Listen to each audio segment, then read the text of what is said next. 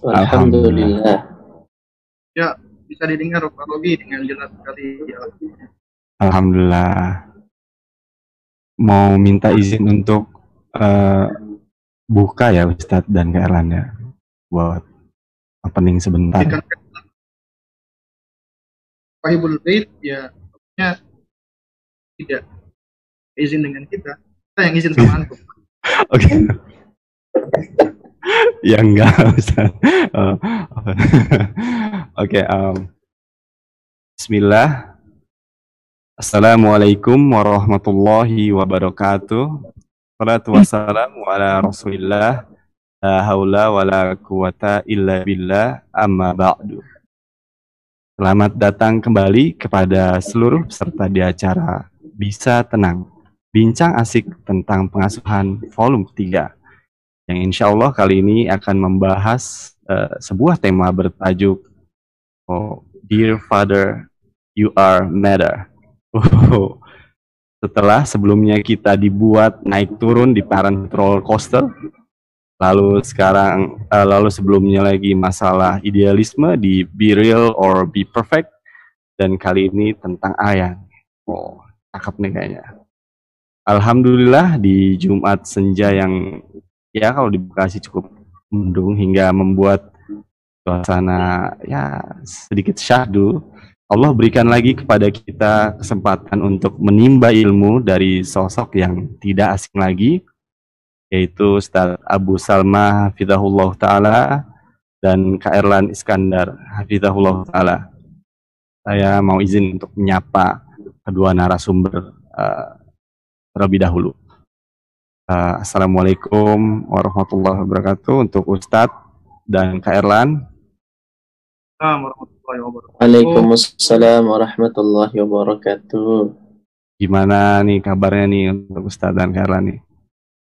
Sehat. Ini belum kita mulai suara Anda jelas ya? Jelas, insya Allah Ustadz. Tapi agak kecil Ustadz ya kayaknya. Kenapa? Agak kecil Ustadz. Suaranya. Agak kecil Ustadz. Agak kecil. Oh gitu. Ntar tak tambah dulu. Nah, sekarang gimana? Juga pasti ini apa pelan? Um, Kenceng. Ya putus-putus ya Ustadz ya kayaknya ya. Putus-putus. Iya. Ya. Uh, mic-nya antik ya Ustadz ya. Enggak, ini barusan apa online juga barusan tadi. Oh. Dan uh, tadi sih katanya bagus ini. Oh gitu. Sekarang masih ini masih masih pelan, kurang jelas. Ini udah oke okay, Ustadz, kayaknya udah Insya Allah udah uh, terdengar jelas. Berarti artinya memang memang diminta supaya mendekat ke mic nih. Oke. Okay. Iya, mungkin Ustadz ya. Okay, um, baru apa namanya pertama kali pakai mic ini ini kan waktu itu ada yang ngirim belum tahu cara nyetingnya terus diajarin setting-setting ya. Ya seperti ini. Oh tools baru berarti Ustaz ya? Perdana. Oke okay, um, uh, kami juga ingin mengucapkan um, jazakumullah khairan atas ketersediaan waktunya ini untuk Ustadz dan Kak Erlan. Mudah-mudahan uh, nggak akan pernah Ustadz uh, nggak nggak akan pernah bosan-bosannya untuk Ustadz dan Kak Erlan untuk memberikan materi-materi dan faedah-faedah untuk kita semua ini dan semoga selalu diberikan kesehatan serta kemudahan untuk menyampaikan ilmu pada hari ini oleh Allah Subhanahu wa taala. Um, dan um, untuk uh, acara hari ini sama seperti sebelumnya mari kita fokus mendengarkan materi yang akan disampaikan sambil mengingatnya dengan tulisan. Dan dalam waktu yang tidak lama lagi, insya Allah kita akan masuk ke acara inti. Tapi pastikan tetap menjaga adab di majelis ilmu, sekalipun acara ini diadakan online, agar keberkahan ilmu yang disampaikan bisa kita dapatkan. Dan demi kenyamanan bersama, selama acara berlangsung dimohon kepada para peserta untuk mematikan video dan mic uh, dari aplikasi Zoom ini. Oke, okay, um, tidak perlu berlama-lama lagi. Untuk selanjutnya saya serahkan pada Kak Erlan Hafizahullah Ta'ala oleh tafadol masykuro. Baik, uh, syukron ya Aba Abia sudah membuka acara kita pada kesempatan pagi hari ini. Dan insya Allah ayah bunda selama kurang lebih uh, satu jam ke depan insya Allah kita akan langsungkan talk show bersama gurunda kita Al Ustadz Al Fadil Abu Salma Hafizahullah Ta'ala. Insya Allah pada kesempatan sore hari ini kita akan membahas materi yang cukup menarik ya. Judulnya lagi-lagi pakai bahasa Inggris. Alhamdulillah. Uh, semoga uh, kajian talk show kita pada kesempatan sore hari ini memberikan faidah, bermanfaat, menjadi ilmu yang berkah, ilmu yang bermanfaat buat kita semua di mana pada kesempatan sore hari ini kita akan membahas uh, tema seputar keayahan ya. Karena dari judulnya saja sudah terlihat dear father you are mother. Ini uh, insya Allah Ustadz Abu Salma yang akan banyak menjelaskan kepada kita. Dan sebelum kita lanjut tentang serba-serbi seputar keayahan ada baiknya mungkin dari Ustadz Abu Salma uh, kita berikan waktunya di awal-awal ini untuk menjelaskan definisi Ustadz ya. Sebelum kita membahas panjang-panjang agar uh, kita memahami istilah terlebih dahulu sehingga kita nanti lebih enak uh, ngobrolnya dan juga mengalirnya topik pembicaraan kita pada kesempatan sore hari ini. Dan beliau juga seorang ayah yang insya Allah akan dengan hati ini ya menyampaikan materi kita pada kesempatan sore hari ini dan siapkan juga hati kita ayah-ayah sekalian karena ma kharaja minal qalbi fadakhala ilal qalbi.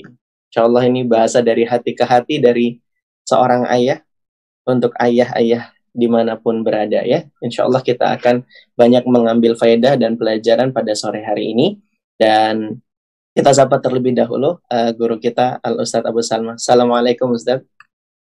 Waalaikumsalam warahmatullahi wabarakatuh. Masya Allah. Kaifa haluk ya Ustaz? Alhamdulillah sehat karena baik dan mudah-mudahan antum keluarga dan teman-teman semua yang hadir dan juga muslimin dalam kondisi sehat walafiat semuanya ya.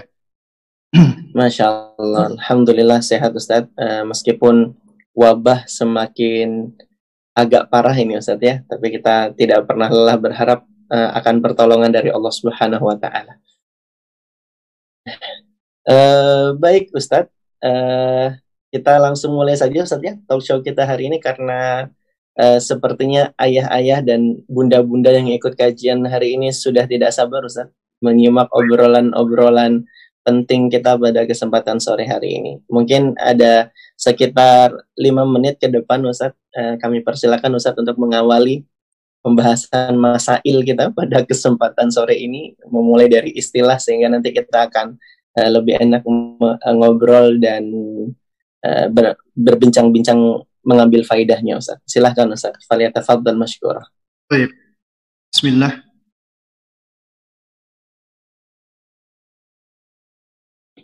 Alhamdulillah. Assalatu wassalamu ala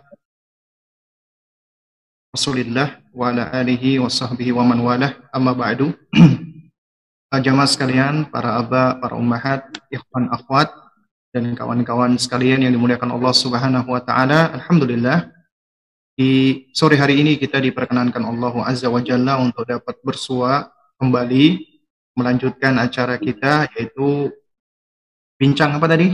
Bincang santai tadi apa namanya? Uh, bisa tenang Ustaz bisa bisa nah tenang bincang ya, asik tentang pengasuhan oh, bincang asik tentang pengasuhan bisa. ini mohon maaf ya dari kawan-kawan panitia ya. Uh, istilahnya agak sedikit lupa tadi. Dan ini adalah acara kita bincang atau bisa tenang bincang santai tentang pengasuhan yang keberapa nih ketiga kalau nggak salah ya. Ketiga.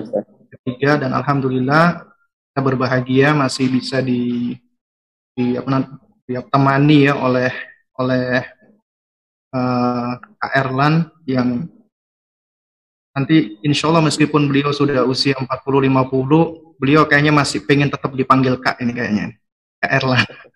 Dan beliau menolak dipanggil Ustadz nih, padahal sebenarnya yang lebih layak untuk menyampaikan dan lebih lebih berpengalaman di dalam berinteraksi dengan anak-anak adalah beliau ya. Dan saya pribadi juga banyak beristifadah. Apalagi anak saya Salma itu dulu ngefan banget ya Masya Allah.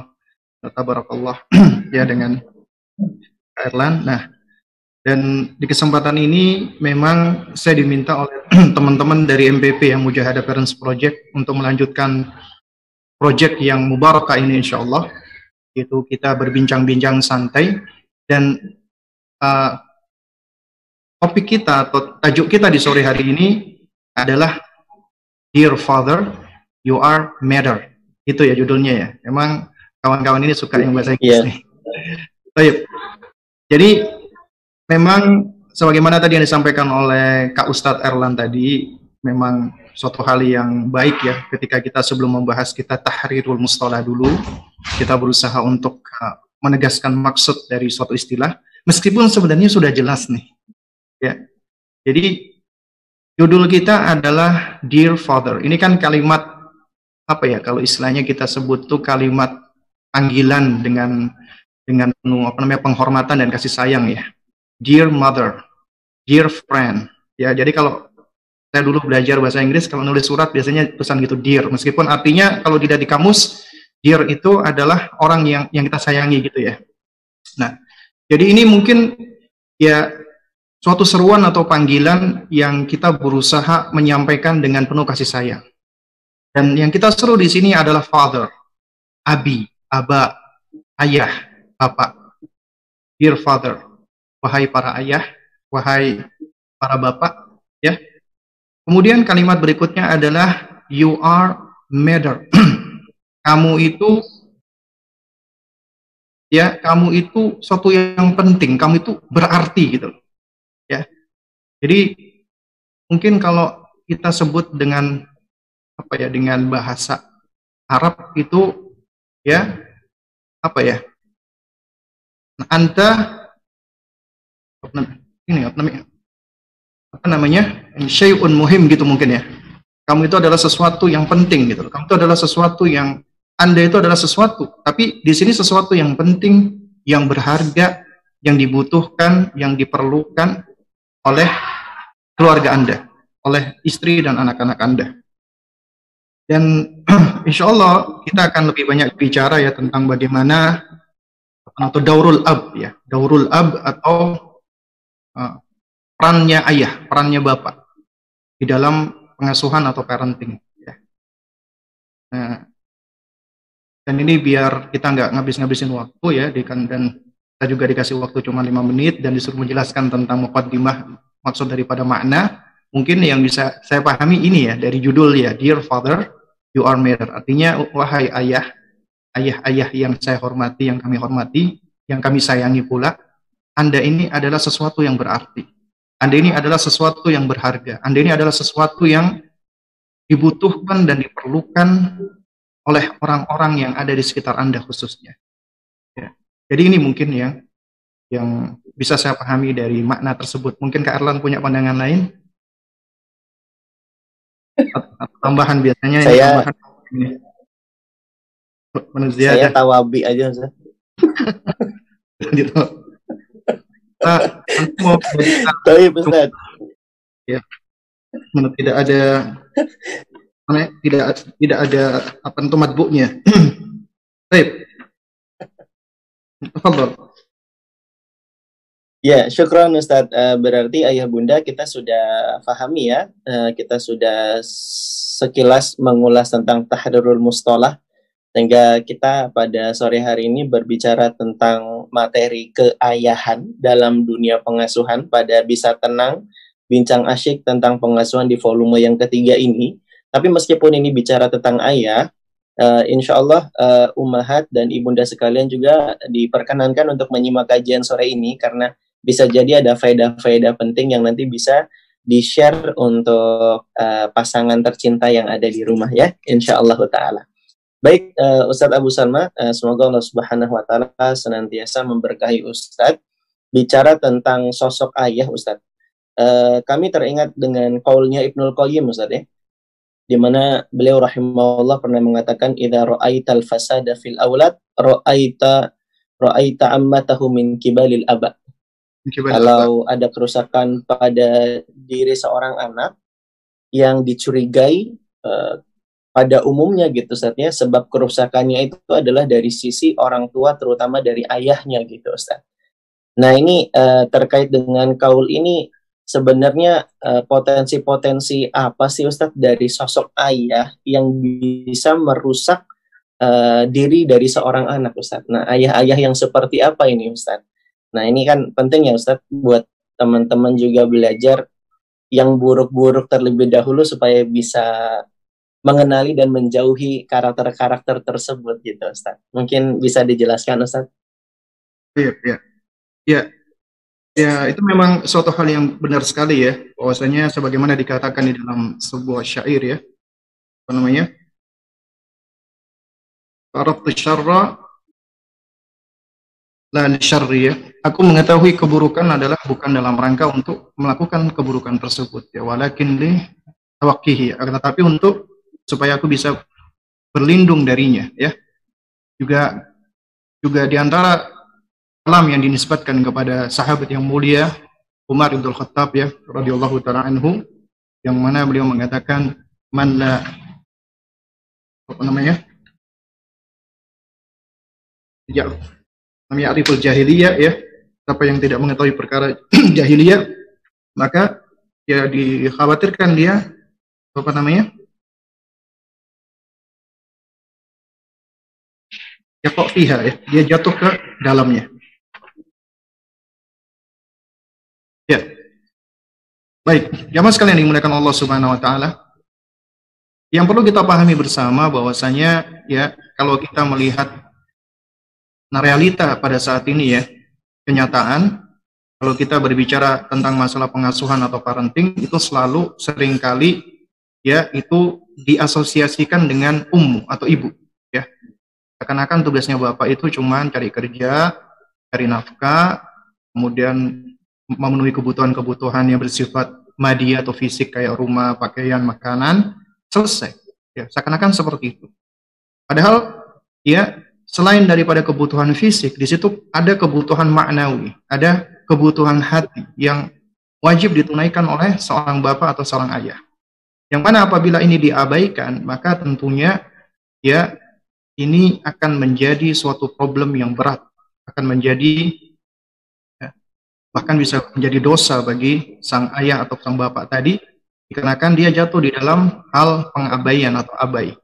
Jadi kepada perbuatan apa namanya ihmal ya. Nah, bagaimana tadi yang dinukilkan oleh Kak Erlan tadi ya tentang uh, nasihat Al Hafidh Ibnu Qayyim ya, rahimahullah taala ya. Jadi jika engkau melihat adanya fasad, adanya kerusakan pada anak ya, maka itu umumnya ya kerusakan-kerusakan tersebut itu adalah min kibalil aba. Itu adalah karena apa? Karena faktor dari bapak, dari para ayah yang menjadi faktor. Ini menunjukkan apa? Menunjukkan bahwasanya seorang bapak itu adalah ya sosok yang urgent, yang penting harus ada di dalam pendidikan. Bahkan dia adalah pemimpin daripada keluarga. Kalau kalau uh, seorang bapak itu abai ataupun lalai, maka tentunya ya uh, apa namanya pendidikan keluarganya ataupun anak-anaknya khususnya itu akan bertumbuh ya, dia akan berkembang dan bertumbuh di atas pengabaian tadi sehingga sangat mungkin dia akan jatuh kepada keburukan-keburukan dan ini tentunya yang akan dihisap oleh Allah Subhanahu wa taala. Nah, di antara karakter-karakter seperti apa sih yang yang apa sampai-sampai Al-Hafidh Ibnu Qayyim rahimahullah itu mengatakan seperti itu kerusakan itu penyebab utamanya faktor utamanya kebanyakan oleh para aba, oleh para ayah. Karena yang pertama, ayah-ayah yang tidak menjalankan perannya, yang tidak menjalankan fungsinya. Oleh karena itu kita harus tahu dong apa itu peran dan fungsi seorang bapak atau seorang ayah.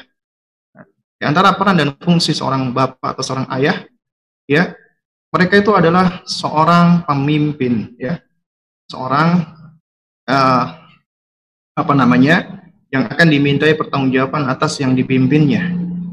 Tugasnya pemimpin adalah dia memberikan arahan, dia memimpin anaknya, memimpin keluarganya, memimpin istrinya, ya, agar senantiasa berada di atas atau di dalam kebaikan, ya. Itu merupakan tanggung jawab dari seorang bapak. Lalu kemudian juga seorang ayah atau seorang bapak itu adalah uh, dia memiliki apa memiliki kewajiban maksud saya dalam hal al-wiqayah wal apa namanya himayah. Artinya dia adalah seorang pemelihara yang tugasnya adalah menjaga, memelihara, menjaga, memelihara anak-anaknya dari keburukan-keburukan ataupun faktor-faktor yang dapat mengantarkan keluarganya atau anaknya menuju kepada siksa Allah Subhanahu wa taala. Nah, karena itu makanya Allah serukan ya ayyuhalladzina amanu qu anfusakum wa ahlikum nar. Ya, itu jagalah anakmu, jagalah dirimu dan keluargamu maksud saya ya dari siksa nar, dari siksa neraka. Itu artinya banyak ayah, banyak bapak yang tidak menjalankan fungsinya sebagai pemelihara, sebagai penjaga. Ya dia abai, dia cuek, dibiarkan anaknya. Ya. Dan memang kenyataannya ayah-ayah yang abai dan yang cuek seperti ini itu sangat dampak sangat nyata sekali dampaknya. Kalau kita lihat sekarang ya ada anak-anak cewek-cewek mohon maaf yang dikatakan anak apa cabe-cabean ya. Ya, itu lantaran apa? Lantaran tidak adanya atau hilangnya sosok ayah di dalam pendidikannya. Ini di antara faktor utama ya. Bagaimana ya yang sempat saya baca itu di antara penelitian yang pernah dilakukan ya khususnya untuk anak-anak perempuan yang mereka bertumbuh menjadi eh, anak-anak uh, ABG perempuan yang kehilangan sosok laki-laki yang bisa mengayominya, yang bisa melindunginya, maka mereka akan cenderung untuk mencari laki-laki lain yang mana laki-laki lain itu ya sering kali yang mereka dapatkan itu bukan malah melindungi tapi malah malah mengeksploitasi mereka.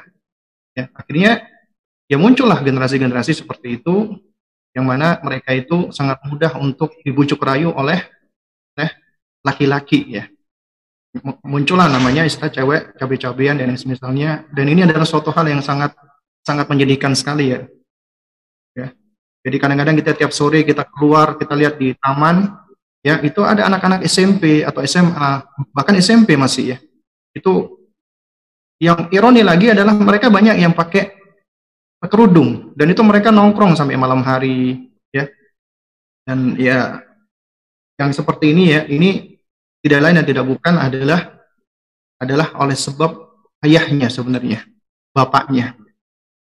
Tanpa kita menafikan ibu. Ya. Tapi ini penyebab utamanya kebanyakan adalah para, para ayah. Ayah yang al-hadir, yang ada sebenarnya tapi sejatinya gaib. Sejatinya nggak ada. Ya. Sosok fisiknya ada, tapi perannya tidak ada. Dia lalai, dia cuek sama anak-anaknya. Ya.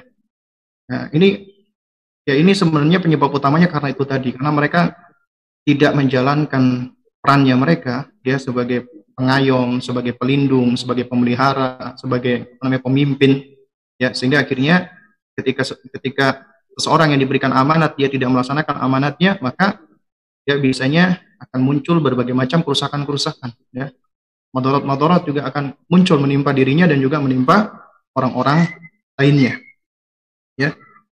ya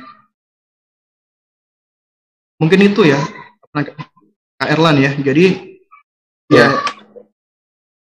banyak yang yang apa namanya banyak orang tua yang abai sebenarnya yang lalai ya.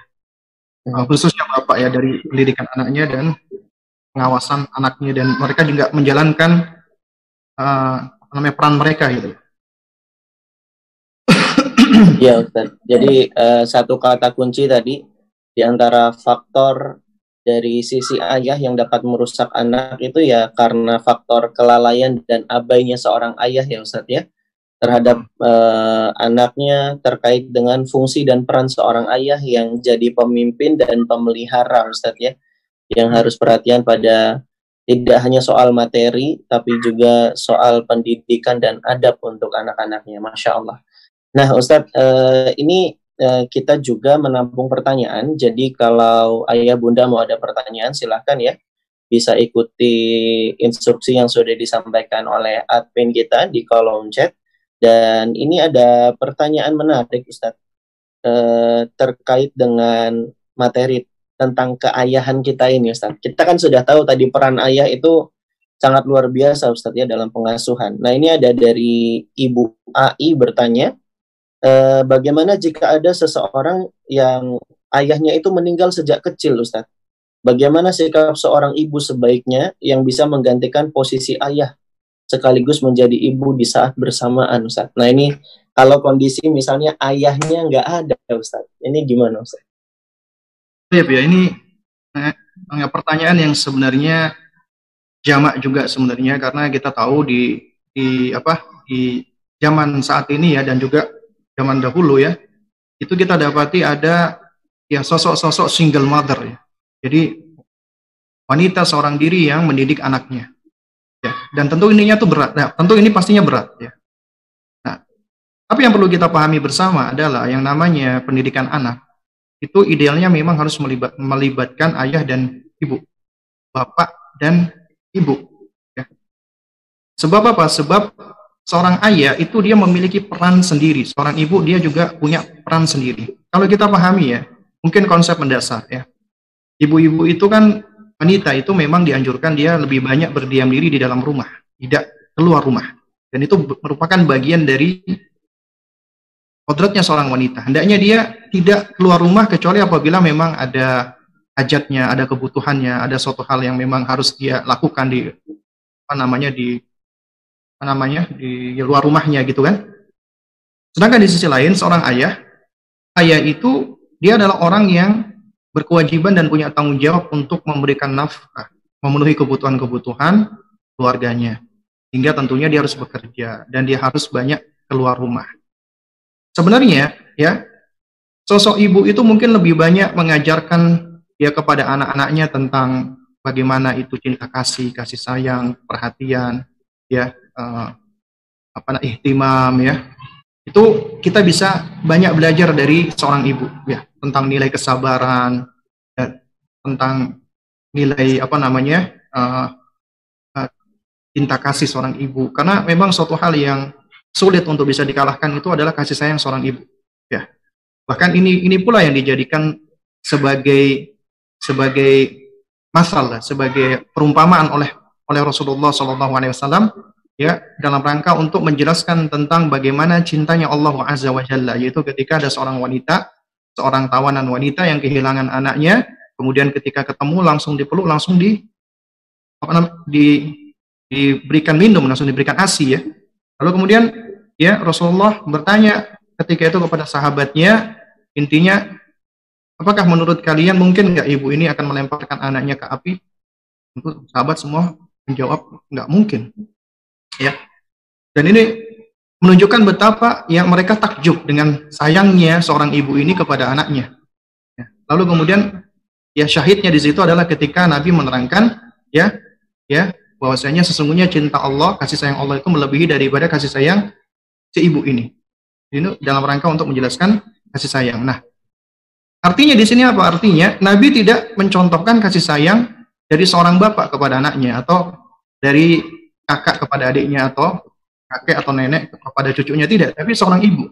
Karena memang secara fitrah ibu itu luar biasa kasih sayangnya, cintanya. Nah, karena itu apabila ada seorang ibu yang menyakiti anaknya itu berarti fitrahnya sakit, fitrahnya apa namanya rusak ya kalau menyakiti anaknya. Karena kasih sayang itu ya bisa kita pelajari dari sosok ibu.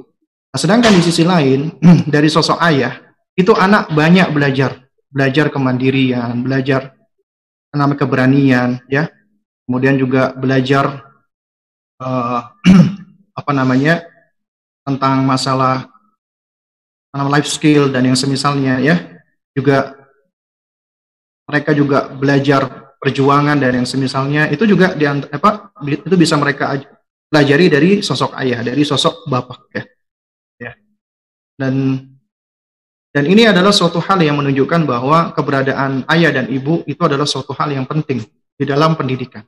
Nah, karena itu, apabila ada seorang wanita, seorang ibu yang qadarullah wa masyafa'ala, ya, itu mungkin suaminya atau ayahnya si anak tadi tidak ada, entah meninggal dunia atau karena faktor yang lainnya, maka yang pertama kali hendaknya yang lebih didahulukan adalah dia mencari pengganti ayahnya. Itu dulu yang pertama kali dilakukan. Ya, semaksimal mungkin. Carikan bapak yang baik buat si anak tadi. Meskipun kita nggak bisa apa namanya menggantikan benar-benar ya sosok bapak, tapi hadirkan laki-laki yang baik, yang soleh. Artinya selama si wanita tadi masih bisa menikah, masih ada kesempatan untuk menikah, hendaknya menikah, ya. Dan ini jauh lebih baik.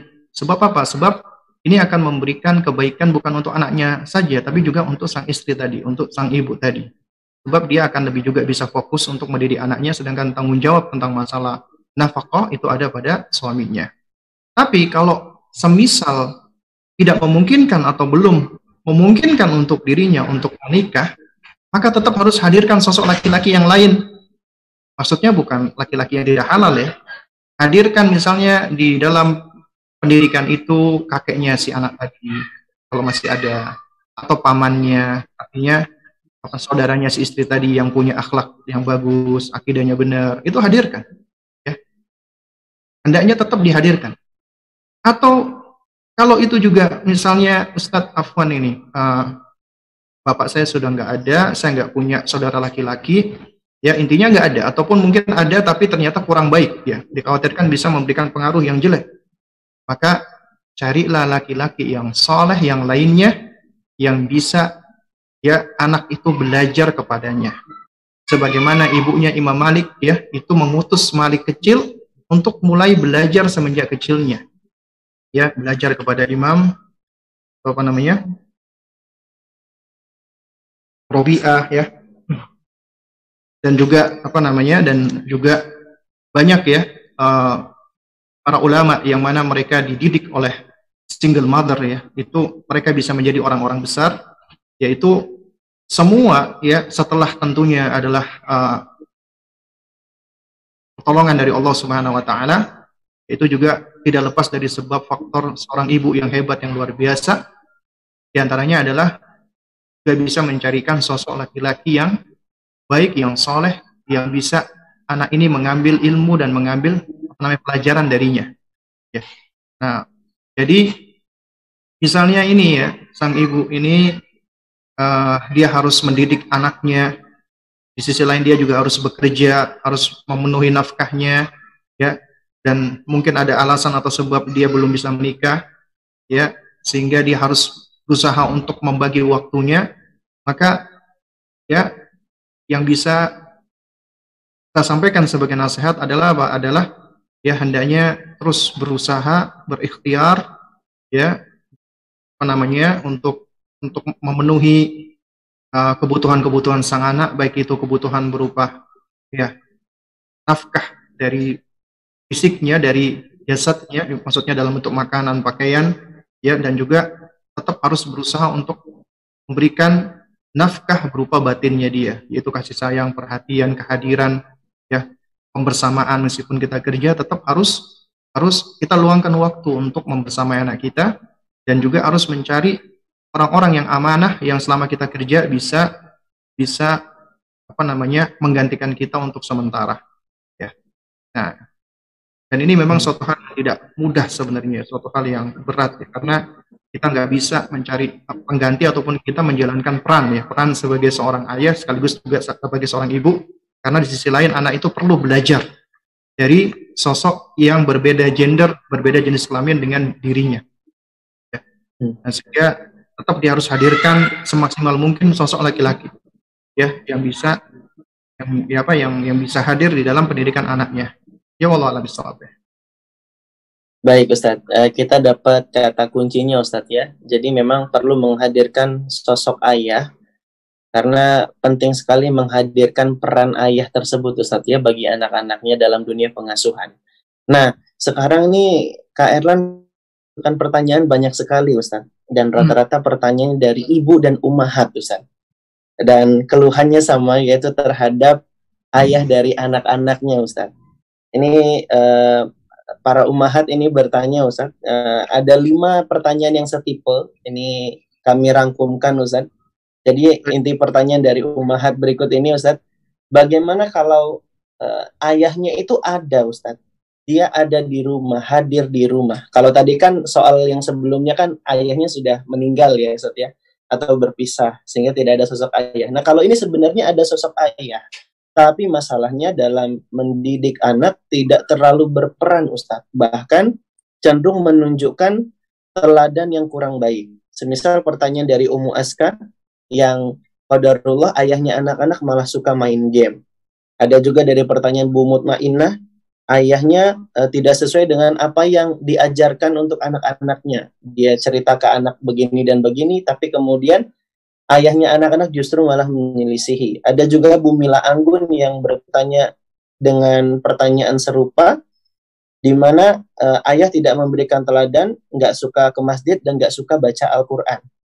Dari pertanyaan Bu Ayu Rahayu juga demikian. Ayahnya suka YouTubean malah dan tidak mau uh, membersamai anak dan tidak mau mendidik anak. Kalaupun membersamai anak cuma bermain saja. Ada juga dari Fairus Muhammad yang bertanya Qadarullah eh, ayahnya si anak ini belum hijrah dan masih suka mendengarkan musik padahal si ibu sudah menerangkan anak tentang uh, bahaya dan dampak buruk dari musik. Nah, menanggapi potret fenomena ayah-ayah semisal ini bagaimana Ustaz? Apa yang diharuskan yang harus dilakukan oleh para umahat? Ini kayaknya minta dikuatkan semua Ustaz. Silakan Ustaz, monggo. Iya, ya. Nah, ini jadi memang kajian kita ini memang uh, seharusnya kita lebih fokuskan kepada para ayah ya, karena kalau kepada para ibu ya, jadinya uh, akan menambah PR lagi buat mereka gitu loh. PR apa? Ketika dengerin kajian ini, sedangkan suaminya tidak ikut tidak ikut mendengarkan, berarti mereka seakan-akan punya PR nih. Waduh, saya harus bagaimana caranya bisa menyampaikan hal-hal ini kepada suami saya gitu kan? Padahal kalau sebenarnya kita mau mau ini ya mau jujur ya dan juga kita mau bersifat lebih apa ilmiah lagi ya ya bahwasanya kita tahu dong ketika kita menikah ya kita ini masuk ke dalam biduk kita masuk ke dalam bahtera itu kan tidak sendirian kita sama-sama. Bahkan suami itu adalah imamnya suami adalah nahkodanya istri itu adalah ya asistennya atau apa ya? Istilahnya itu namanya mualimnya ya kalau kalau di dalam dunia perkapalan ya. Ya jadi istri itu adalah makmum. Di antara makmum yang harus mengikuti suami karena suami adalah imam. Nah makanya kalau kita perhatikan di dalam uh, konsep di dalam parenting ataupun di dalam uh, pendidikan anak ya sesuai dengan Islam itu hampir semuanya bersepakat ya awal Pendidikan itu dimulai dari pertama dari diri kita sendiri melakukan perbaikan untuk diri kita sendiri, mensolehkan diri kita. Jadikan kita sosok yang baik. Insya Allah Allah akan hadirkan sosok yang juga baik. Baru yang, ya, baru yang kedua adalah kita mencari pasangan yang baik. Tapi qadarullah wa masyafa'ala ternyata ya mungkin kita mengawali pernikahan itu ya dengan awalnya kita belum tahu, kita belum belum ngerti gitu loh. Mungkin ya istilahnya itu tidak berangkat di atas dasar konsep Islam. Ya, jadi intinya cuma menikah saja, menikah ya sebagaimana kebiasaan manusia atau yang atau yang seperti itulah. Jadi tidak berangkat di atas konsep Islam. Yang mana kalau kita berangkat di atas konsep konsep Islam itu akan menjadi ibadah, ibadah yang akan senantiasa ya membuahkan pahala yang panjang ya insyaallah taala. Nah, lalu kemudian bagaimana kalau permasalahannya sang istri sudah ngaji hijrah, suami belum hijrah, ya ataupun juga misalnya sang suami mungkin sudah belajar tapi masih enggan atau malas untuk mengamalkan ilmunya. Apa yang harus dilakukan oleh sang istri? Ya kalau nasihat saya meskipun ini berat ya dipraktekkan mudah bagi saya mengucapkan tapi ya tetap yang namanya nasihat itu harus disampaikan ya. Dan juga kita berusaha untuk bisa me, apa namanya realisasikan ya maksudnya mengamalkan ya nasihat-nasihat jika itu memang nasihat yang baik ya. Itu yang pertama. Ya. Yakini Allah Maha Adil. Dan ini adalah ujian dari Allah Subhanahu wa taala. ketika Anda, baik Anda istri ataupun suami ya, diuji dengan pasangan yang tidak sebagaimana Anda inginkan ataupun malah diuji dengan pasangan yang tidak baik, maka ini adalah ujian dari Allah Subhanahu wa taala. Ya, ini adalah ujian dari Allah yang mana kita harus berusaha untuk sabar menghadapi ujian tersebut. Kita harus berusaha untuk menguatkan diri kita. Dan nggak ada yang bisa menguatkan diri kita, nggak ada yang bisa mengokohkan diri kita, itu kecuali pencipta kita, Allah Subhanahu wa Ta'ala. Kita adalah sosok manusia yang lemah. Kita diuji oleh Allah. Yang bisa memberi pertolongan kita itu cuma Allah.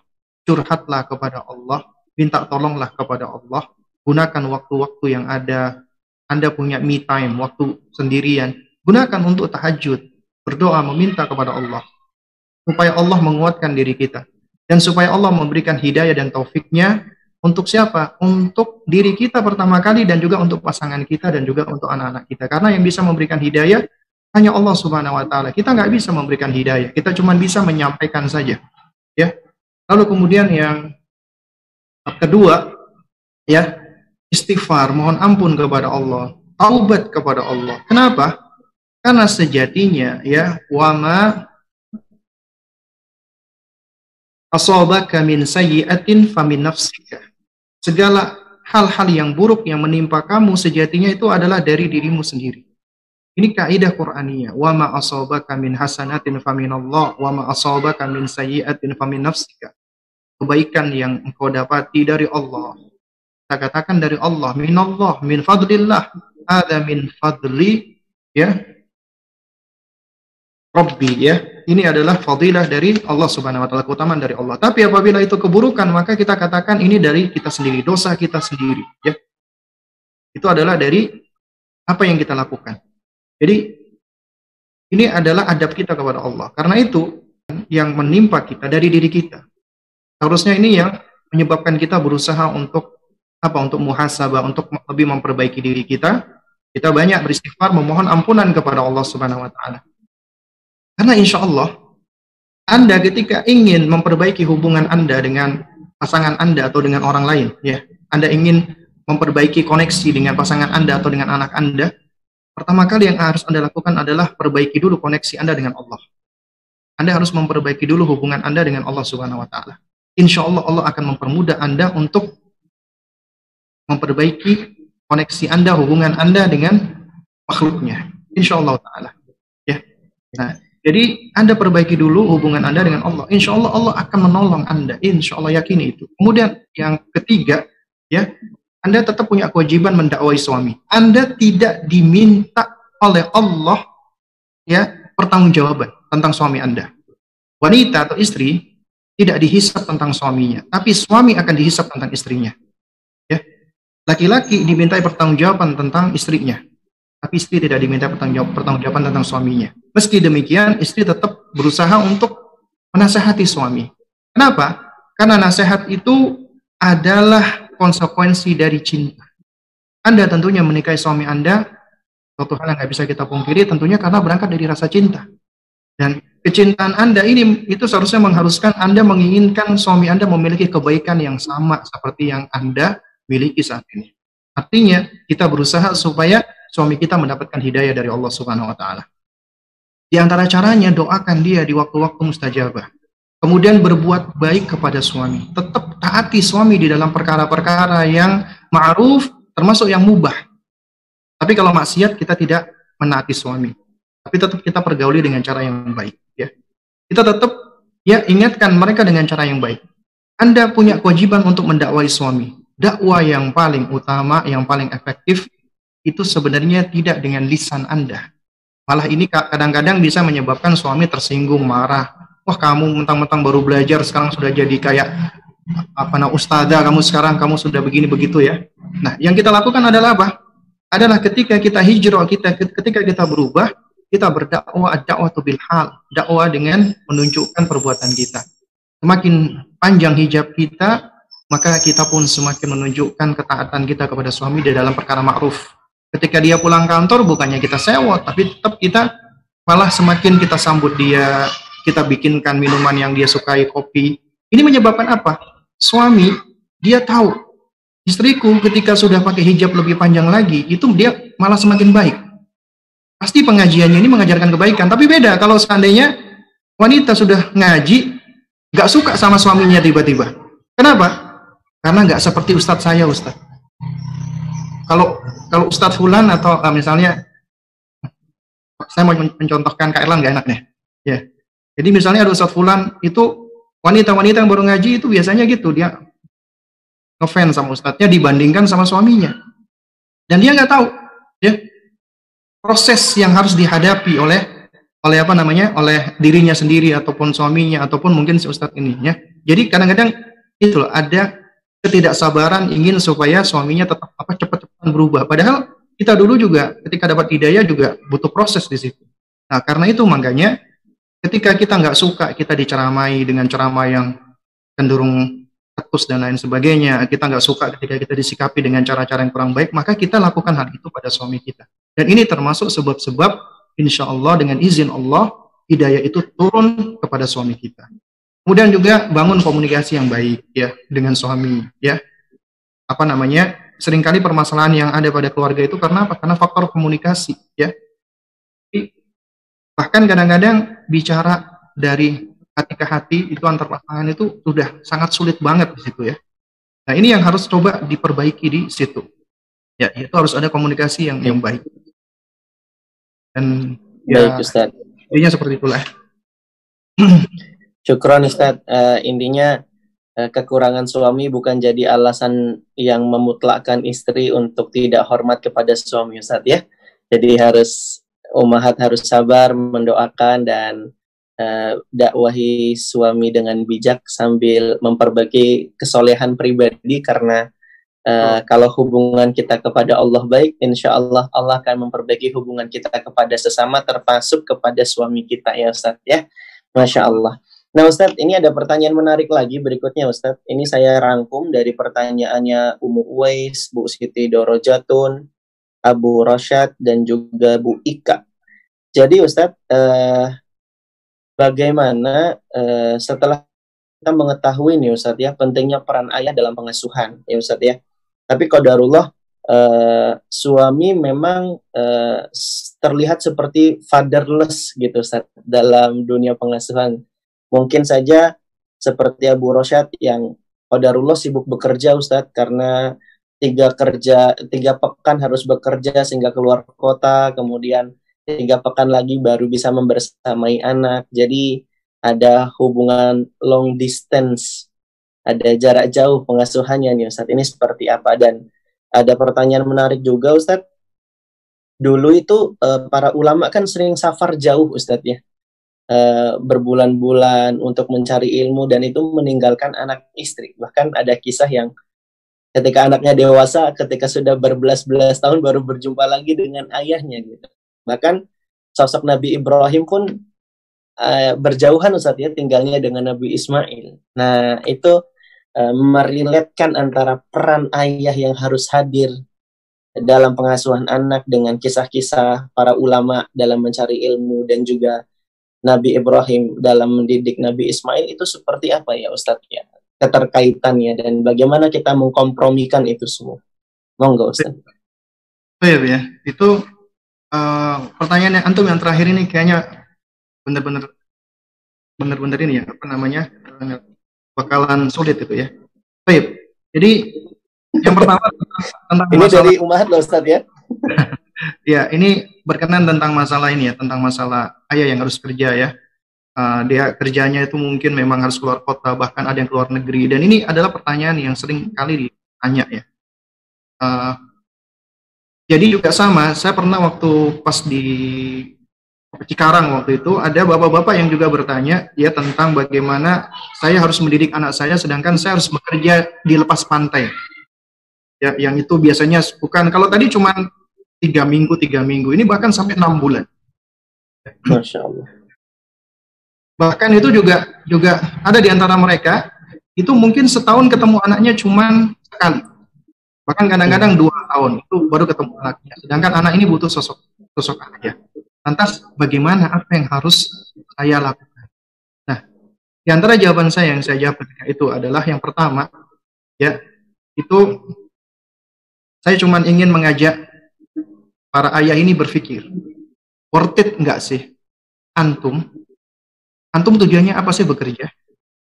Antum tujuan bekerja ingin menafkahi keluarga antum memenuhi kebutuhan keluarga antum. Nah, tapi kita sering kali lalai di situ atau, atau lupa lah ya. Ternyata kebutuhan keluarga kita istri kita anak kita itu bukan cuma kebutuhan zahir saja ya.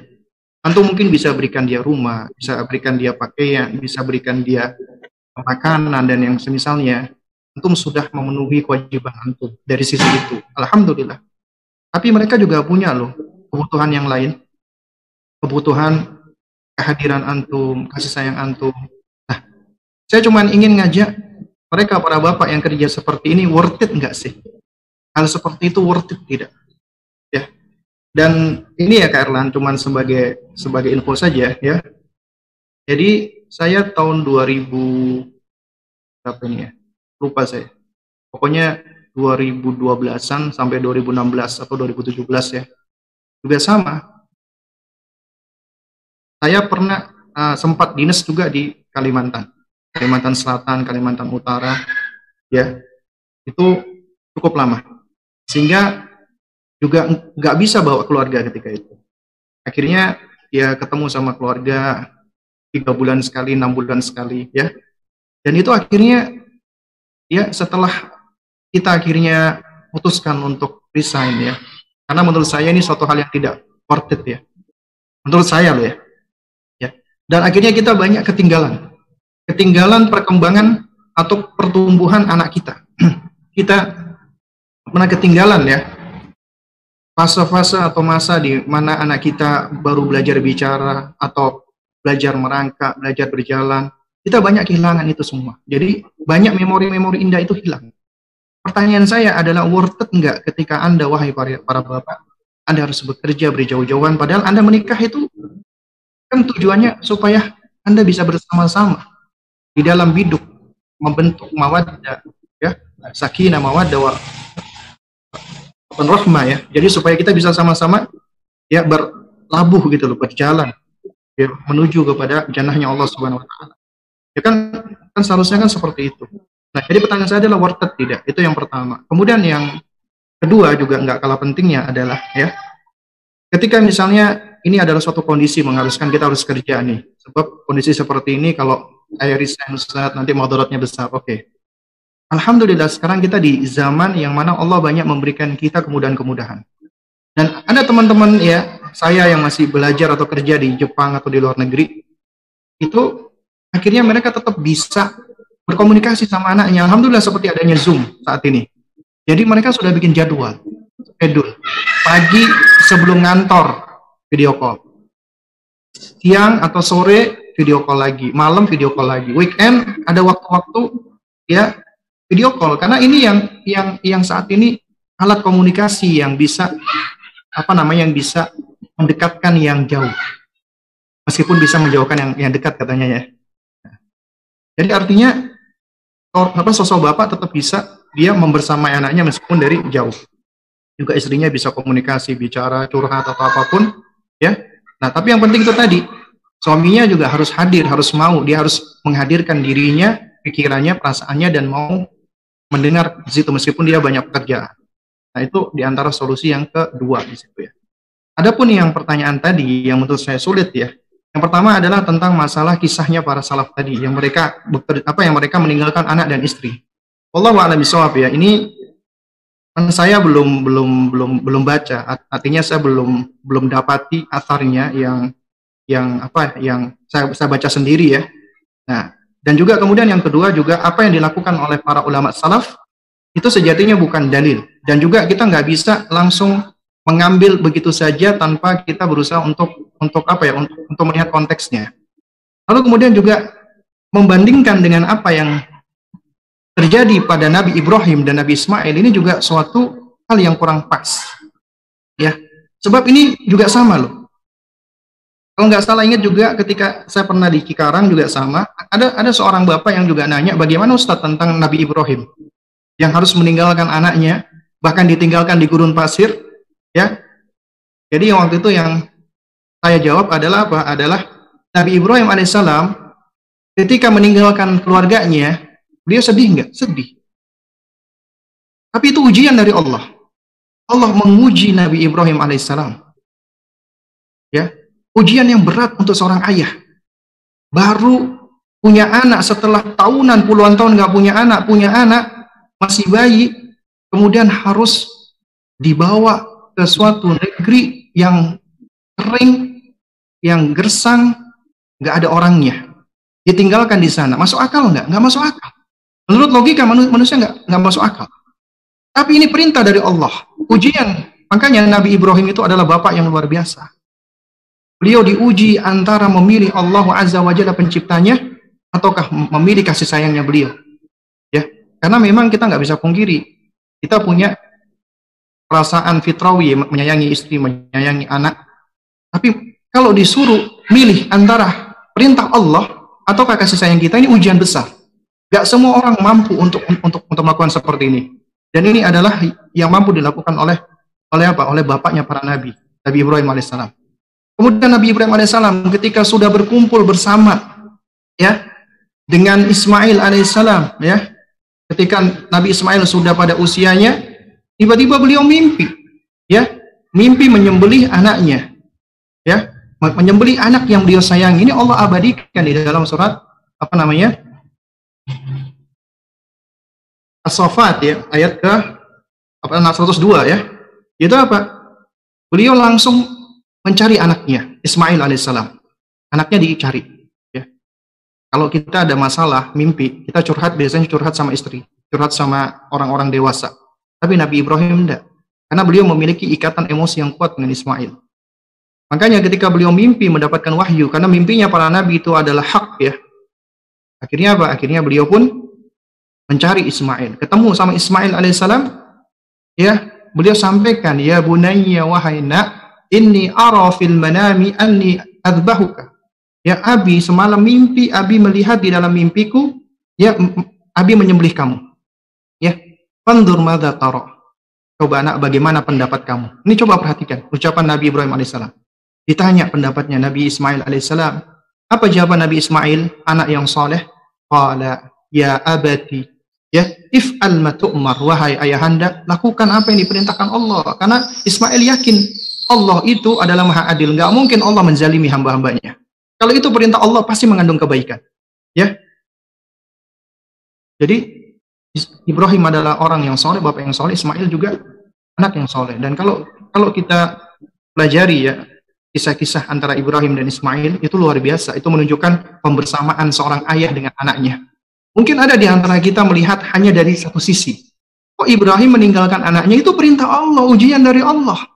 Tapi ketika Ibrahim alaihissalam bersama dengan Ismail, diajak anaknya untuk selalu berkomunikasi, diajak anaknya untuk membangun al-qawaid, yaitu dasarnya pondasi Ka'bah, diajak itu anaknya. Dan Nabi Ibrahim selalu mendoakan anaknya. Jadi kalau ingin belajar tentang hubungan ayah dengan anak, belajar dari Nabi Ibrahim alaihissalam.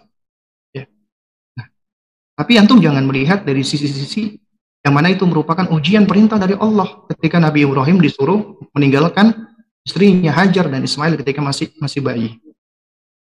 Ya Allah, Nabi Soal. Oh iya Ustaz, insya Allah uh, mufid sekali Ustaz faedah-faedahnya ya. Jazakallah khairan Ustaz. Nah Ustaz, uh, sekarang kita beralih ke pertanyaan berikutnya dari Pak Oka Wijaya nih Ustaz. Eh, kita sebagai seorang ayah sudah sadar nih Ustadz ya akan peran kita sebagai pendidik anak-anak juga Ustadz membersamai istri tercinta selaku ibunya anak-anak. Nah pertanyaannya Ustadz, uh, bagaimana pembagian pengajaran agama yang tepat ya Ustadz uh, antara uh, ayah dengan ibunya anak-anak? Kalau tadi mungkin Ustadz Abu Salma cuma membahas tentang segi karakter Ustadz ya, dalam pengasuhan yang itu bisa didapatkan oleh anak dari sosok ayah dan bundanya. Nah, kalau sekarang pembagian pengajaran agamanya, Ustaz. Nah, ini pembagiannya seperti apa, Ustaz? Ya, iya. ya ini uh, pertanyaan yang bagus sekali ya. Jadi sebenarnya prinsipnya adalah ya suami berkewajiban untuk mengajar istri dan anak. Istrinya juga diajar. Kemudian dari istri, istrinya akan ya mentransfer ilmu itu pula kepada anaknya. Jadi sebenarnya istri itu belajarnya juga kepada suaminya. Kemudian juga suami atau bapak juga mengajarkan kepada anak-anaknya terutama perkara-perkara yang bersifat akidah. Ya. Ibunya bukan artinya nggak ngajarin, ibunya juga ngajarin sebenarnya. Ya. Nah, sebenarnya kalau kita perhatikan dari sisi perkembangan usia anak ya, usia 0 sampai 2 tahun, usia sibian, usia bayi, itu sebenarnya bonding attachment yang paling kuat anak itu adalah dengan ibunya. Ini suatu hal yang kita nggak bisa namanya pungkiri. Mereka sangat butuh sekali sama ibunya. Bahkan nggak begitu butuh sama ayahnya. Ayahnya ada nggak ada, ya sebenarnya anak itu nggak begitu butuh, ya. Tapi bukan bukan artinya wah kalau gitu ya udah kita biarin aja titipin aja kepada uminya enggak, ya. Anak ini butuh banget dengan sosok ibu, dengan sosok ya bundanya ketika di usia seperti ini karena dia masih membutuhkan untuk uh, menyusu kepada ibunya dan banyak hal-hal yang yang apa yang yang hanya bisa diberikan oleh oleh seorang ibu kepada anaknya. Nah, ini juga fase seorang ibu bisa mengajar akidah dari semenjak kecil yaitu dengan banyak banyak mentasmi kalimat-kalimat thayyibah ketika nyusui atau ketika membersamai anak, banyak baca Al-Qur'an, banyak mengucapkan lafzul jalalah ya. Sehingga apa yang sering kali ya didengarkan oleh anak itu akan menancap ke dalam sanubari anak dan itu yang akan apa yang akan uh, insya Allah bisa membentuk hatinya dia itu hati yang terikat dengan penciptanya Allah Subhanahu wa taala. Baru di usia dua tahun ke atas ya itu indera penglihatannya sudah lebih sempurna lagi. Dia akan menjadi sosok duplikator, pengcopy paste, pencontoh. Nah, di sini peran ayah itu penting. Karena ayah itu di antara tugasnya adalah dia sebagai pemberi kedua, pemberi contoh. Ya, ibunya juga sama, sama sebenarnya. Nah, di usia ini, usia tufulah atau usia gulam ini, itu penting ayah dan ibu itu hadir. Harus hadir. Tapi kalau di usia sibian, ya, tugasnya ayah adalah bahagiakan istrinya, bahagiakan ibunya, berikan ketenangan, ketentraman, kedamaian pada istrinya.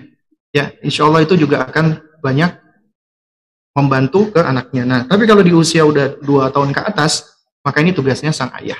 Apalagi di usia mumayyiz, usia tujuh tahun. Anak laki-laki bawa ke masjid. Ya, anak perempuan ya anjurkan sholat di rumah tapi boleh sesekali kita bawa juga ke masjid itu itu satu hal yang yang boleh kita kenalkan masjid kita kenalkan ada pada masjid ya.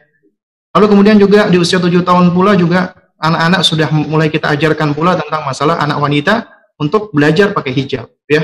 Karena apa? Karena kalau kita perhatikan Nabi memerintahkan anak untuk sholat di usia tujuh tahun. Di usia tujuh tahun sholat itu bukan cuma ngajarin sholat tapi juga ngajarin perkara-perkara yang bisa menyempurnakan sholatnya dan dan menjadikan sholatnya itu sah. Di antaranya belajar menutup aurat. Artinya dia setelah terbiasa melihat ibunya pakai hijab sekarang baru kita mulai masuk untuk ke mem memotivasi dia mendorong dia untuk untuk apa? Untuk untuk apa namanya mempergunakan hijab. Nah terus kemudian mungkin yang ingin saya tambahkan yang yang di akhir ini kalau antum tanya tentang kurikulum khusus ya ini adalah suatu hal yang tidak mudah ya dan juga anak saya sendiri juga juga masih belum tahu yang artinya masih masih perlu belajar. Maksudnya kurikulum khusus yang harus diajarkan ayah kepada anaknya apa ibu ibunya apa nah cuman yang perlu kita pahami bersama ya kita ambil pelajaran-pelajaran dari Al-Qur'an dan juga dari hadis-hadis Nabi sallallahu alaihi wasallam ya bahwasanya uh, mengajarkan akidah ya itu hendaknya ya dipegang oleh seorang ayah bukan artinya ibu tidak tidak ngajarin bukan. Artinya ayah harus sudah mengajarkan anaknya cara misalnya dia berinteraksi atau bermuamalat di luar rumahnya, diajak ke alam, diajak ke lingkungan, dia kenalkan tentang alam alam sekitar lingkungan untuk lebih mengenalkan dan menguatkan uh, makrifahnya anak ya dengan penciptanya, dengan kebesaran penciptanya itu kebesaran Allah Subhanahu wa taala. Lalu kemudian juga kita nggak bisa pungkiri ya dan ini bukannya kita melakukan so distintif atau yang yang misalnya tidak. Wanita itu lebih dominan dari sisi apa atifah perasaannya ya. Jadi yang lebih dominan pada seorang ibu adalah perasaan. Bahkan ibu itu juga memiliki intuisi. Ini yang sering kali tidak dimiliki oleh oleh seorang ayah.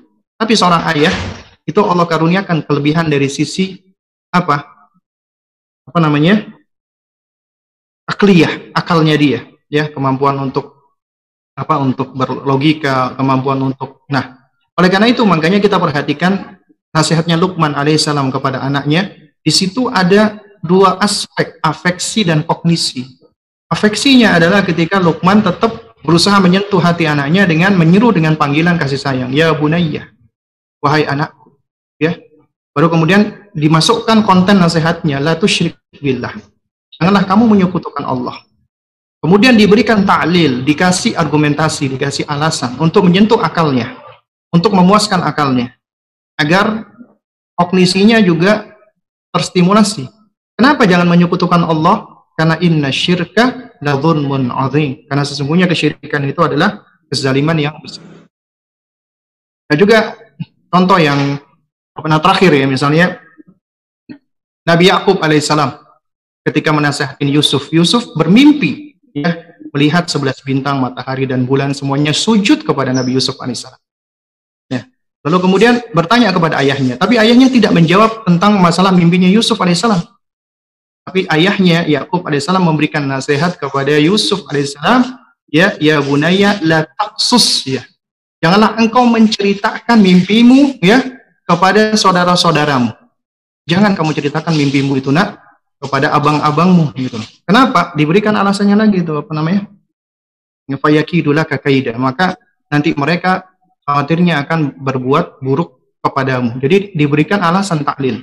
Kalau kita perhatikan, ya itu metode para ulama, metodenya para nabi dan para rasul dan orang-orang soleh, ya ketika mereka memberikan nasihat, entah itu dengan perintah atau larangan, motivasi ataupun ancaman atau yang semisalnya, itu hendaknya selalu diiringi dengan ta'lil, dengan ilan, ya dengan alasan, argumentasi.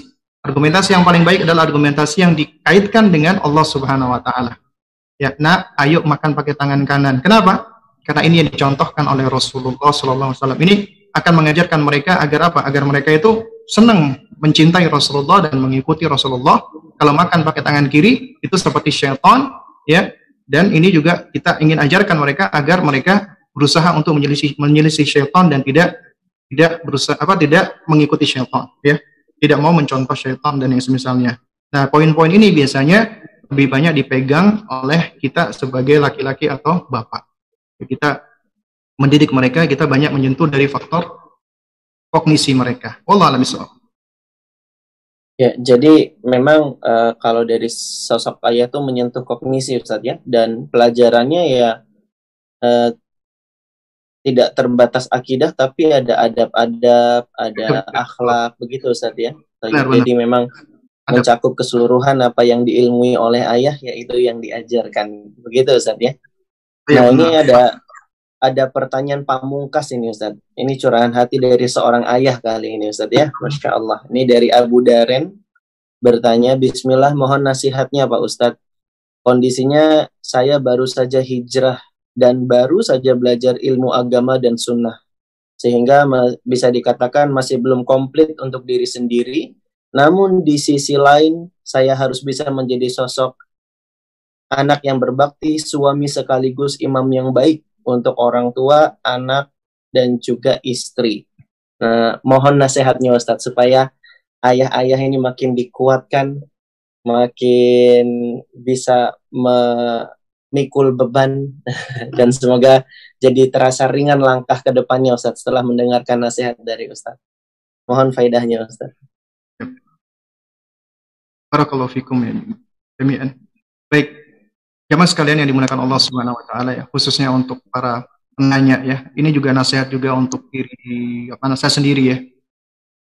Bahasanya yang pertama ya, ketika Anda mengatakan Anda baru hijrah Ketahuilah itu adalah nikmat yang besar yang Allah karuniakan untuk Anda. Tidak ada nikmat yang lebih besar daripada ini. Anda diberikan taufik oleh Allah. Anda diberikan hidayah oleh Allah Subhanahu wa taala. Dan ini nikmat yang paling besar. Sebelumnya mungkin kita nggak tahu. Kita belum belajar. Akhirnya Allah berikan hidayah tersebut. Allah berikan taufiknya. Akhirnya kita tahu ini benar, ini salah. Yang kita lakukan ini ternyata keliru. Itu nikmat yang paling besar. Ya, dan nikmat hidayah ini harus kita syukuri. Ya. Kita harus mensyukurinya. Di antara bentuk mensyukurinya setelah tentunya kita syukuri dengan hati kita, ya kita itiraf ini adalah min fadlillah, ini adalah dari Allah Subhanahu wa taala. Kemudian kita takbirkan, kita ucapkan dengan lisan kita alhamdulillah ya. Lalu kemudian kita buktikan dengan amal perbuatan kita. Nikmat tersebut kita gunakan dalam apa untuk kebaikan, untuk hal-hal yang baik. Nikmat tersebut yang Allah berikan. Di antaranya adalah jika Allah berikan kita hidayah tadi, kita berusaha menjaga, memeliharanya dengan terus kita belajar, menuntut ilmu. Karena ilmu itu insya Allah yang akan memelihara, menjaga, bahkan menambah hidayah. Tapi kalau kita lalai, kita abai, kita malah sibuk dengan dunia, maka bisa jadi ya itu akan hilang. Nah, karena itu harus dijaga. Ya, lalu kemudian bentuk penjagaan yang kedua adalah dengan cara mengamalkan. Berusaha untuk mengamalkan dengan semaksimal mungkin ya ilmu-ilmu yang kita pelajari tadi. Karena dengan semakin kita banyak beramal dan itu termasuk amalan soleh, maka itu akan tentunya semakin mendekatkan diri kita kepada Allah Subhanahu Wa Taala dan insya Allah Allah akan lebih memberikan kemudahan-kemudahan untuk kita. Baru kemudian yang ketiga, di antara kita supaya bisa melanggengkannya, kita bagikan, kita share, terutama kepada akrof akrof orang yang paling dekat dengan kita. Kita dakwahkan, kita ajarkan kepada anak kita, istri kita, keluarga kita, ya, dengan se dengan semaksimal mungkin. Dan kewajiban kita cuma menyampaikan dengan cara yang baik. Selebihnya kita doa kepada Allah Subhanahu wa taala. Ya. Baru kemudian ya kita sabar pastinya karena nggak mungkin kita bisa meraih sesuatu jika kita tidak mengiringinya dengan kesabaran. Jadi kita harus bersabar karena kalau nggak sabar maka kita akan frustasi, kita akan mundur, kita akan putus asa, kita akan berhenti dan seterusnya. Jadi kita harus terus ya uh, melatih supaya kita bersabar dengan apa dengan segala keputusan Allah. Kita bersabar untuk belajar, bersabar untuk beramal, bersabar untuk mengajar dan bersabar atas semua ya uh, apa namanya semua apa yang Allah berikan untuk kita baik itu berupa ujian ataupun bahkan juga berupa kebaikan itu juga sama itu juga merupakan ujian dari Allah Subhanahu wa taala. Ya. Terus kemudian juga yang gak kalah pentingnya lagi adalah apa? Adalah ya uh, ketika antum hijrah, antum belajar, antum mendapatkan faidah-faidah ilmu, ya, maka yang pertama kali hendaknya antum upayakan setelah diri antum adalah ya diajarkan itu kepada keluarga anak khususnya ya.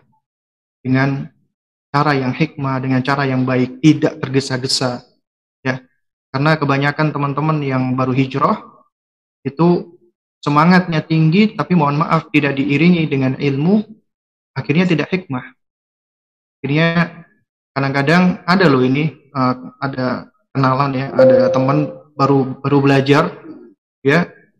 Kemudian dia tahu tentang keutamaan Al-Qur'an, akhirnya anaknya anaknya ini juga sama nggak ngerti agama.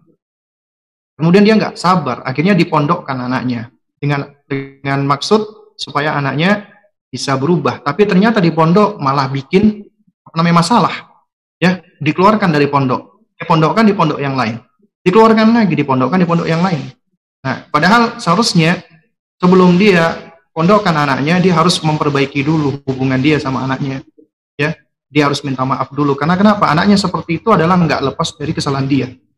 Karena itu makanya suatu hal yang baik ya, jika antum juga mengawali ya di dalam pendidikan antum ketika antum baru hijrah, berarti selama ini, sebelum ini banyak sekali kesalahan-kesalahan yang sudah kita lakukan di dalam pendidikan tersebut maka tentunya kita harus bertaubat kepada Allah, kemudian kita minta maaf pada keluarga kita, kepada anak kita, ya. Dan jangan pernah kita merasa malu, jangan pernah kita merasa ego ya ketika kita minta maaf dengan anak-anak kita, ya. Sebab dengan kita minta maaf ya kepada mereka, ini juga akan akan mengajarkan kepada anak-anak kita kebesaran hati, ya. Dan kita semua adalah manusia yang lemah, kita semua tidak sempurna, pasti kita melakukan kesalahan, dan seorang muslim ya ketika dia melakukan kesalahan ya maka ketika dia diingatkan dia harus bersyukur, dia harus ber terima kasih ya dengan orang yang mengingatkan kesalahannya itu tadi. Ya. Dan juga pada saat dia melakukan kesalahan ya dan dia tahu itu itu salah, maka hendaknya dia berusaha untuk untuk apa? Untuk untuk uh, berhenti ya dari melakukan kesalahan itu tadi gitu loh. Ya, dan kemudian dia berusaha untuk memperbaiki dirinya. ya Allah taala alam ya. Dan ini yang terakhir adalah yang namanya pengasuhan itu adalah uh, sebagaimana uh, kata Kak Erlan ya. Ini membutuhkan nafas yang panjang karena perjalanan kita ini panjang dan ini bukan suatu hal yang mudah kecuali yang Allah mudahkan. Dan ketika kita melakukan aktivitas ini pengasuhan atau pendidikan, yang penting itu bukanlah hasilnya. Hasil tidak menjadi tujuan kita. Ya. Tapi yang penting itu adalah bagaimana kita berproses di dalam pengasuhan tersebut. Ya. Sejauh mana kita berusaha, kita berikhtiar, kita menepati ilmu yang benar di dalam melakukannya dengan cara yang benar pula, dengan cara yang hikmah. Ya. Jadi bukanlah hasil. Hasil itu adalah di tangan Allah Subhanahu wa taala. Jadi kalau semisal antum ya sudah berusaha, anak antum tidak sebagaimana yang antum kehendaki, maka jangan pernah putus asa. Terus berusaha ketika atau apa, apa namanya? Uh, jadi kita terus berusaha ya, terus berusaha ya jadi pada saat kita masih terus diberikan Allah Subhanahu wa taala kemampuan untuk bernafas, anak-anak kita juga masih hidup, maka kita tetap terus berusaha untuk untuk apa? Untuk mengarahkan dia kepada kebaikan-kebaikan, ya. Jadi itu yang bisa kita lakukan itu adalah berusaha, ya. Kita belajar dari Nabi Nuh alaihissalam, Nabi Nuh alaihissalam, ya. Jadi di akhir kehidupan anaknya, ketika itu air bah sudah mulai turun, ya, Beliau tidak berhenti untuk terus mengajak anaknya kepada kebaikan. Bahkan diseru anaknya dengan panggilan yang baik, yang, yang berusaha untuk menyentuh hatinya. Ya bunayya, wahai anakku, wahai nak, itu kalimat kasih sayang. Coba kalau kita misalnya punya anak yang durhaka, anak yang kurang ajar, bahkan anak yang kufur, ya mungkin kita sudah akan melaknat dia, memaki-maki dia ketika dia dalam masalah kita katakan kapok, mati aja kamu, itu mungkin itu sangat mungkin sekali. Tapi Nabi Nuh alaihissalam, ya dengan fitrahnya dia menyayangi anaknya dan dia menghendaki anaknya supaya tetap mendapatkan kebaikan, dipanggil ya bunaya irkab ma'ana, ayo nak, naik bersama kami nak, wala takun ma'al kafirin, janganlah kamu bersama dengan orang-orang kafir. Tapi ternyata Allah punya kehendak lain, anaknya tetap ya, dalam kondisi kafir. Allah wafatkan dalam kondisi kafir. Ya. Nah, tapi Nabi Nuh alaihissalam tidak dikatakan sebagai seorang pendidik yang gagal. Kita nggak boleh mengatakan beliau sebagai seorang pendidik yang gagal. Kenapa? Karena kegagalan atau tidak atau tidaknya kita nggak melihat dari hasilnya, tapi kita lihat dari upaya beliau yang tiada henti. Ya, sampai di akhir hayatnya pun juga sama. Apa? Beliau tetap berusaha untuk apa? Untuk bisa menyampaikan hidayah dari Allah. Ya, jadi yang bisa kita lakukan adalah ini. Dan juga kemudian ini juga sama mungkin tambahan bagi para umat tadi yang bertanya tentang suaminya, ya, itu ya Anda juga perlu melihat ya kita belajar dari dua sosok di sini. Pertama adalah dari istri dari istrinya Lut dan istrinya Nuh, ya, yang mana mereka ini adalah dua wanita yang hidup yang tinggal di rumah orang-orang yang mulia. Tapi hal itu tidak menyebabkan mereka otomatis menjadi orang yang mulia. Bahkan mereka menjadi wanita-wanita yang hina. Karena kenapa? Karena mereka ya menjadi wanita-wanita yang menentang suaminya, wanita-wanita yang kurang ajar dengan suaminya dan tidak tidak mau menaati suaminya. Jadi nggak ada jaminan, ya. Ketika anda berada di rumah anda menikahi seorang kiai atau habib atau ustadz atau siapa pun itu, otomatis anda akan menjadi orang yang baik. Tidak ada jaminan seperti itu, ya. Dan juga, ya, kita pelajari pula juga tentang istrinya Fir'aun alaihi la'natullah. Ya ibunda siapa? Asia ya. Pintu Muzahim ya. Yang mana beliau menikah dengan laki-laki yang paling lalim di muka bumi ini. Beliau tinggal di rumah wanita, eh, beliau tinggal di rumah laki-laki yang paling lalim di muka bumi ini, tapi hal itu tidak otomatis menjadikan beliau juga menjadi wanita yang buruk ataupun jelek. Jadi artinya ya apa namanya uh,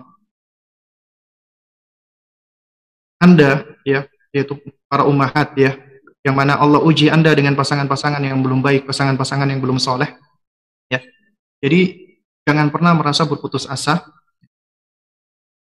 dan intinya adalah terus kita berusaha memperbaiki diri kemudian kita terus uh, memohon pertolongan kepada Allah Subhanahu wa taala dan kita berdoa mudah-mudahan Allah memberikan hidayah ya untuk diri kita, untuk suami kita dan untuk anak-anak kita dan kita berusaha tetap mendidik anak-anak kita dengan semaksimal mungkin kita. Adapun selebihnya hasilnya ya sudah kita serahkan itu semua adalah pada Allah Subhanahu wa taala. Karena sejatinya pendidikan itu adalah ikhtiar, kita usaha semaksimal mungkin kemudian kita nama tawakal kepada Allah. Ya mungkin itu yang bisa disampaikan ya untuk kesempatan kita di sore hari ini. Karena tadi kata Kak Erlan, pertanyaan pamungkas, berarti yang terakhir biasanya.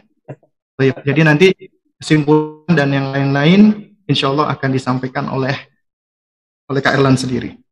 Yeah. baik. Jazakallah khairan Ustadz atas obrolan yang sangat bermanfaat sore hari ini. Jadi untuk para umahat, para ibunda, eh, jangan pernah berputus asa dari rahmat Allah Subhanahu wa taala kekurangan, kekurangan suami kita dalam pengasuhan bukanlah alasan kita untuk kufur terhadap kebaikan-kebaikannya. Karena kita sebagai suami harus sebagai istri harus bersabar ya dan wajib menaati suami kita. Karena sebagian uh, ada yang beralasan ini jadi alasan untuk uh, tidak hormat pada suami Ustaz ya. Dan kita berlindung dari sikap yang demikian. Lalu kemudian untuk para abah uh, ayahanda di mana pun berada tetap semangat belajar uh, untuk semakin baik bertambah hari bertambah ilmu amal dan juga semangat kita untuk mendidik dan membimbing istri dan juga anak-anak kita. Semoga Allah Subhanahu wa taala memberikan kita kemudahan memberikan kita taufik dan pertolongan sehingga kita sebagai seorang ayah diberikan kemudahan oleh Allah untuk bisa membawa bahtera keluarga kita hingga bisa berlabuh ke dalam surga. Surga yang luasnya seluas langit dan bumi dan semoga kita dan keluarga kecil kita dapat sebagian tempat di tempat yang indah yang bernama surga. Amin ya robbal alamin.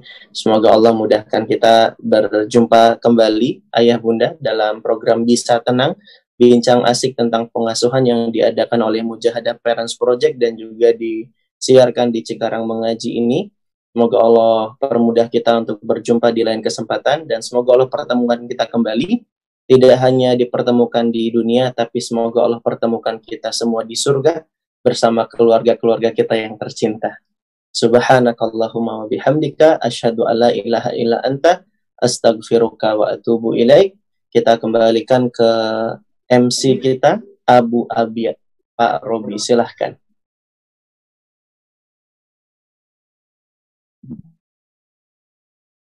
Jazakallah khairan untuk um, Ustadz dan Erlan atas waktunya dan kesempatannya kali ini dan insya Allah banyak faedah-faedah yang bisa kita ambil dari kajian kali ini. Mudah-mudahan kita semua dimudahkan untuk um, mengaplikasikannya ya di rumah secara uh, perlahan. Yang saja dari kami, kami juga ingin mengucapkan kepada para serta ya, uh, jazakumullah khairan atas um, uh, waktunya untuk mengikuti uh, kajian kali ini. Semoga kita dimudahkan untuk mengadakan uh, kajian selanjutnya. Assalamualaikum warahmatullahi wabarakatuh. Waalaikumsalam warahmatullahi wabarakatuh.